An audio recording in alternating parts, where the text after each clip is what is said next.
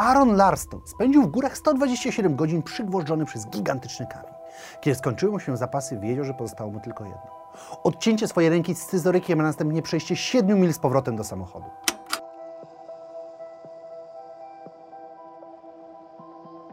ale ta historia jest stosunkowo znana. Powstał o niej nawet film o tytule 127 godzin. I o ile sytuacja, w jakiej znalazł się Aaron jest nie do pozazdroszczenia, jest to stosunkowo jedna z łagodniejszych, zważywszy na to, co spotkało wielu innych ludzi. Na przykład pasażerów samolotu, który w 1972 roku pokonywał trasę Montevideo-Santiago. Rozbił się on w Andach na wysokości 4000 metrów. 45 osób znajdujących się na pokładzie przeżyło 25, jednak 8 z nich zmarło dwa tygodnie po całym wydarzeniu, kiedy we wrak uderzyła lawina. Te osoby spędziły na szczytach dwa miesiące w mrozie i w wichurach, wielu z nich poranionych. Jedzenie szybko się skończyło, więc zmuszeni byli, by jeść ciała tych, którzy zmarli. Pomoc nie nadchodziła, więc dwóch pasażerów, młodych sportowców, udało się samodzielnie, bez żadnych map czy nawet pojęcia o tym, gdzie są, by znaleźć pomoc. Przez 10 dni chodzili po górach, dopóki nie znaleźli cywilizacji. Dopiero wtedy, po prawie trzech miesiącach, ocaleni mogli wrócić do domu, jednak trauma, jaka spotkała ich po przeżyciu katastrofy lotniczej czy jedzeniu ludzkich zwłok, zostaje z nimi po dziś dzień. Na podstawie tych wydarzeń również powstał film o tytule Alive. Dużo można mówić o tym, co dzieje się obecnie w północnej Korei. Liczne opowieści uciekinierów z tego regionu rysują przed nami świat, w którym bieda i głód i choroby są dość powszechne. Potwierdzają też raporty niezależnych organizacji. By pokazać, jak złym miejscem do życia jest Korea Północna, można przytoczyć przypadek Oh Chung-song, młodego żołnierza, który w 2017 roku przekroczył granicę z Koreą Południową. Podczas tego procesu jechał samochodem bez jednego koła, następnie biegł przed siebie, będąc pięciokrotnie postrzelonym. Po tym, jak przekroczył granicę, żołnierze południa uratowali go.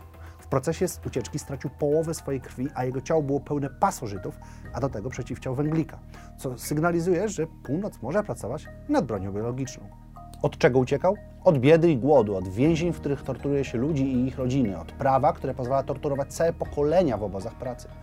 Powstała na ten temat książka Eyes of the Tailless Animals autorstwa Lee Sun-ok, która uciekła z Korei Północnej, a dokładniej jednego z jej obozów koncentracyjnych, bo tym właśnie te miejsca są. Azja może opowiedzieć jeszcze historię czerwonych Khmerów w Kambodży, którzy korzystając z tortur i ludobójstwa próbowali zaprowadzić porządek w swoim kraju. Prowadzili oni 150 więzień dla przeciwników politycznych, gdzie trafiali wszyscy, którzy sprzeciwili się władzy. No a to było łatwo. Jeśli nie umiało się pracować na roli, oskarżonym było się o sabotaż ekonomiczny. Jeśli było się inteligencją, zasługiwało się na śmierć. No, a kto należał do tej kasty? Naukowcy, nauczyciele, muzycy, pisarze, ludzie po szkole, tacy, którzy umieli mówić w innych językach, czy ci, którzy nosili okulary. Tak, noszenie okularów było powodem do kary śmierci. Do tego należy dołożyć ludobójstwa, głód i choroby, które spowodowały, że jedna trzecia kraju zmarła podczas panowania Czerwonych Kmerów. Oznacza to, że co trzeci obywatel nie dożył końca reżimu. Czy to z powodu głodu, choroby, czy po prostu poprzez bycie skazanym na śmierć. Nie chroniło nawet bycie kmerem, bo wewnętrzne tarcia i czystki były regularne i na dobrą sprawę w każdej chwili, niezależnie od statusu, pieniędzy czy położenia, można było spotkać szybką śmierć. Do jednego z bardziej interesujących przypadków przetrwania czegoś niezwykle bolesnego należy wypadek Phineasa Gage'a. W 1848 roku pracował przy budowie torów kolejowych w USA. Zajmował się przygotowywaniem ładunków do niszczenia skał, które miały wtedy formę długich metalowych prętów zakończonych materiałami wybuchowymi. Popełniono jednak błąd i metalowy pręt o długości 1 metra i średnicy 3 cm wystrzelił w górę, przebijając się na wylot przez twarz Phineasa. Uszkodził on oba płaty czołowe mózgu, ale ku zdziwieniu wszystkich obecnych po kilku minutach wstał i zachowywał się normalnie. Rozmawiał i czuł się jak przed wypadkiem.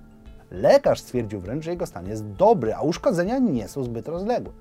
Jednak nie wiedział, że uszkodzenie płatu czołowego wpłynie na stan psychiczny Fineasa. Ten stał się bardziej porywczy i agresywny. Trudno mu było pracować jak wcześniej.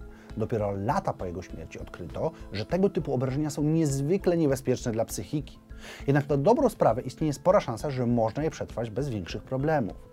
Dodatkowo warto wspomnieć, że na takiej samej zasadzie, oczywiście bez ładunków wybuchowych, działa lobotomia, która była niezwykle powszechna w XX wieku. Ciekawa jest też historia Anny Bagenholm, którą przytaczałem w odcinku o ekstremalnych temperaturach, dostępnym tutaj. Otóż w 2000 roku wpadła ona do lodowatej rzeki i utknęła pod taflą lodu. Spędziła tam 40 minut, powoli wychładzając swój organizm, tracąc przytomność. Łapała powietrze, jednak nie była w stanie się uwolnić, a jej organizm wyłączał powoli wszystkie jej organy, bo nie mógł wytrzymać ekstremalnej temperatury. Jej ciało czekało kolejne 40 minut na uwolnienie, a kiedy to się udało, jej ciało miało 13,7 stopni Celsjusza. Jednak udało jej się uratować, pomimo że spędziła prawie półtorej godziny walcząc o życie pod lodem. Mówiąc o przeżywaniu ciężkich warunków, możemy wspomnieć o Rasputinie, który owszem w końcu umarł, jednak droga do tego była stosunkowo skomplikowana. Najpierw został on otruty, jednak osłabiło go to tylko, ponieważ cyjanek uległ uszkodzeniu.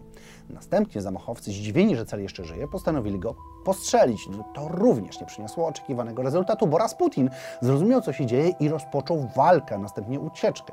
Kiedy wybiegał z pałacu, został ponownie postrzelony, również bez skutku śmiertelnego. Postanowiono dobić go pałką, roztrzaskując jego czaszkę. Następnie zawieziono go nad rzekę i utopiono, jednak jak wskazuje późniejsze badania, Rasputin żył i próbował się uwolnić, będąc pod wodą. Także można powiedzieć, że przeżył on nie lada katusze, zanim wreszcie ktoś odebrał mu życie, może nie łapie się perfekcyjnie pod temat odcinka, ale uznałem, że warto taką ciekawostkę zamieścić. Tak samo jak w wielu innych filmach, których być może nie widzieliście, są dostępne tutaj. Zawsze możecie odsłuchiwać sobie każdy odcinek jako podcast, a także sprawdzić Instagrama. My widzimy się w każdy piątek. Cześć!